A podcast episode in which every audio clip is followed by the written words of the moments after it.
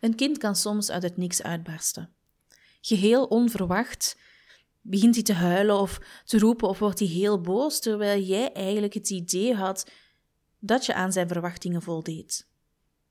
Hoe komt het nu dat een kind zomaar kan uitbarsten? Hoe zitten die emoties in elkaar en wat zijn een paar van die kleine zaken die die uitbarsting kunnen voorkomen? Dat vertel ik je in deze podcast. Welkom bij Liefdevol Opgroeien, de podcast voor ouders die streven naar rust, verbinding en liefde in het gezin. Mijn naam is Daisy Bogaerts, gezinscoach met expertise in de geboortepsychologie en hechting.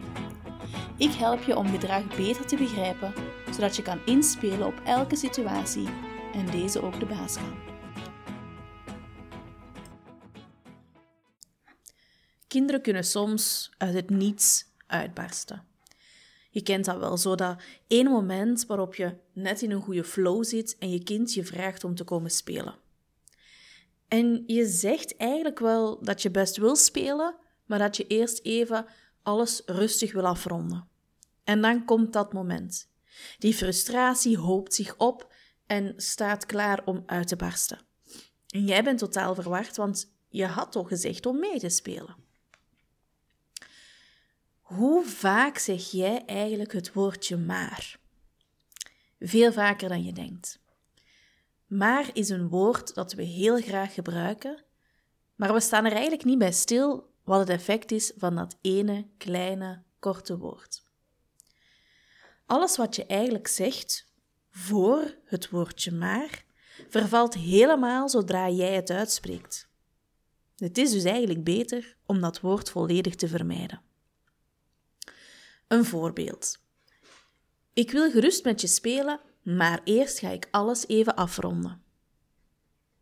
Of, ik vind het heel lief van je, maar ik heb even geen zin in koekjes. Ik zie dat je verdrietig bent, maar we moeten nu echt vertrekken. Dat woordje maar zorgt er dus voor dat enkel dat tweede stukje van die zin blijft hangen. Ik heb nu even geen zin. We moeten nu echt vertrekken. En zowel volwassenen als kinderen, die gaan eigenlijk dat stukje voor die maar achterwege laten in hun hoofd. Stel dat je partner tegen jou zegt: Ik vind je jurk erg mooi, maar is het wel gepast voor deze uitstap? Dan heb je toch meteen het gevoel dat je partner liever heeft dat jij iets anders aandoet.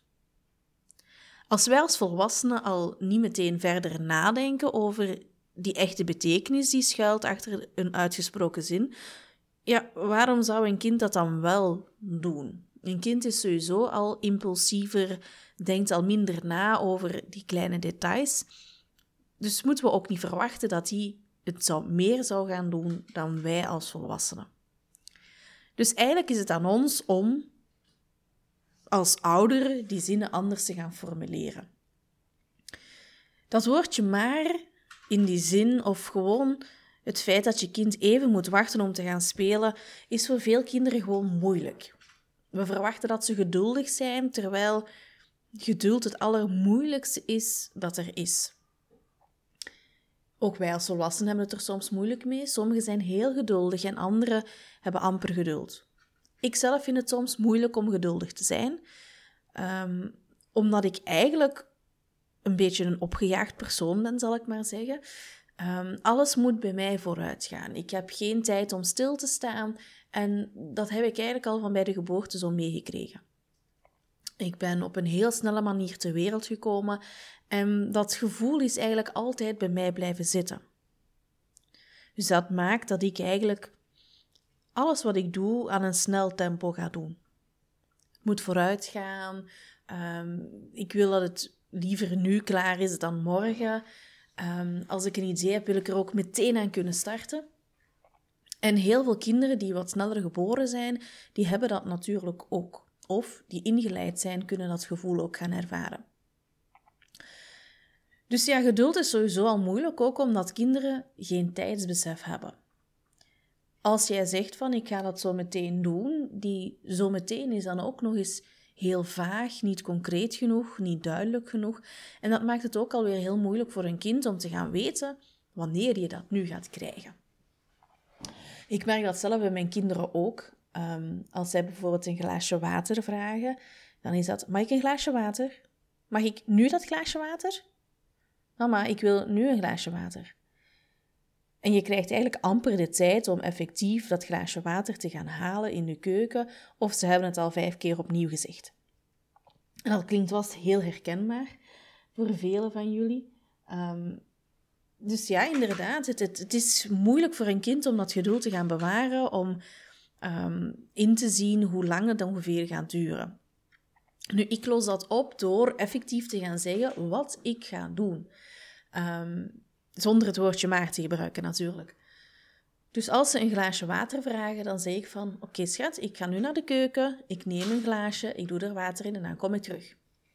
Of als er nog andere zaken zijn, dan zeg ik van... Kijk, mijn handen zijn vuil, ik ga ze eerst wassen, ik droog ze af en dan neem ik jouw glaasje met water. En dan hebben ze veel beter een idee hoe lang dat gaat duren. Ehm, maar ik merk ook dat ze dan ook wel heel aandachtig zijn. Um, ze luisteren echt wel of ze het water horen stromen, of ik effectief in mijn handen was. Um, en als ze toch het idee krijgen dat ik iets anders nog tussendoor doe, dan zullen ze mij daar ook attent op maken. Um, dus ja, tijdsbesef is sowieso al heel moeilijk. Uh, gevoel van afwijzing kan ook meespelen. een kind heeft een hele grote nood aan gehoord en gezien worden, aan het gevoel krijgen dat hij belangrijk genoeg is. En een kind krijgt dat gevoel als jij bij wijze van spreken alles meteen zou laten vallen om mee te doen. Nu, dat is niet realistisch, dat is niet altijd haalbaar. Um, en daarom is het ook heel belangrijk dat je dat heel goed kan communiceren naar je kind. Um, dat je echt heel duidelijk kan vertellen van kijk, ik ga nu met je spelen. Um, ik ga alleen eventjes de computer uitzetten bijvoorbeeld. Of uh, een papiertje tussen mijn boek steken, zodat ik weet waar ik straks geëindigd ben. Um, een kind moet eigenlijk nog leren dat jij inderdaad niet zomaar alles in 1, 2, 3 kan laten vallen en dat ook jij een proces hebt af te ronden. Net zoals zij heel graag hun proces willen afronden. En dat is een proces dat jij en je kind moeten doorlopen uh, met vallen en opstaan. Um, dus het is wel heel belangrijk dat je inderdaad um, die communicatie heel concreet en gestructureerd kan maken naar je kind toe. Dat woordje maar, om daar even op terug te komen, is natuurlijk een woord dat je soms zonder na te denken gaat gebruiken. Het woordje sluipt er eigenlijk vaak gewoon in zonder dat je het beseft. Nu, als je er wat meer mee bezig bent en er ook wat meer aandacht aan besteedt, dan ga je dat ook veel makkelijker weer gaan kunnen um, op bewust niveau gaan vermijden. Ik geef je een paar trucjes mee hoe ik dat oplos. Um, eerst en vooral ga ik proberen om hetgeen dat ik wil vertellen in losse zinnen te gaan zeggen. In twee aparte zinnen, zodat je eigenlijk het woordje maar kan gaan vermijden. Bijvoorbeeld, um, ik wil heel graag met je spelen, maar ik rond alles hier af. Zou je kunnen vervangen door, ik wil heel graag met je spelen. Ik rond hier nu alles af, neem jij alvast het spel klaar. Dus ik heb eigenlijk identiek hetzelfde gezegd, alleen heb ik die maar vervangen door een kleine rustpauze. Ik heb het woord letterlijk ingeslikt. En dat voelt eigenlijk al heel wat anders. Um, ik merk als ik dat woordje maar effectief inslik en het in twee ga splitsen, dat mijn kind zegt: Oké. En die neemt zijn spelletje klaar en die wacht. En soms hoor ik wel eens van: Wanneer kom je nu, mama? Um, omdat ze vinden dat het te lang duurt. Um, wat ook volledig begrijpelijk is, omdat ik misschien mijn aandacht ook weer eventjes kwijt ben of afgeleid ben. Um, maar de overgang voor hun maakt het effectief wel veel gemakkelijker. Dus ga die zinnen gewoon gaan opsplitsen. En daar waar het woordje maar zou willen plaatsen, dat slik je in en vervang je door een korte pauze. Een andere manier om ermee om te gaan is door je zin eigenlijk gaan om te draaien. Door eerst te gaan vertellen wat je gaat doen en te eindigen met ja, ik ga met jou spelen. Bijvoorbeeld, um, ik rond dit eventjes af en dan kunnen we samen spelen. Die zinnen gaan eigenlijk ervoor zorgen dat je sowieso minder geneigd gaat zijn om dat woordje maar te gaan implementeren in je zin. En je geeft ook um, duidelijk aan dat je inderdaad mee gaat doen, omdat het laatste deel van je zin heel vaak nog wat langer blijft hangen. Het is echt een proces van vallen en opstaan, van oefenen, oefenen, oefenen, van het um, gewoon te maken om te doen. Maar het kan echt een heel groot verschil maken als je het woordje maar zoveel mogelijk gaat vermijden. Um, en daarbovenop natuurlijk ook, als je ongeduldige kinderen hebt, probeer zoveel mogelijk en zo concreet mogelijk te gaan verwoorden.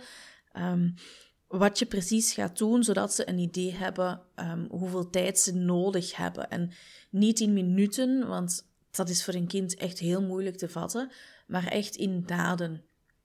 Wat ga jij precies doen? Welke handelingen ga je doen um, alvorens zij dat punt bereikt hebben wat ze willen bereiken? Um, probeer die tips gerust uit en laat me gerust ook weten hoe het is gegaan. Um, ik verzeker je dat het echt wel een heel verschil gaat maken.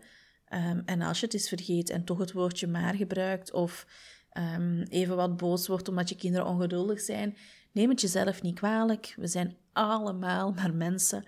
Um, ook ik heb soms nog van die momenten dat ik me boos maak of dat ik terugkijk op de situatie en denk van, goh, dat had ik toch wel anders kunnen aanpakken.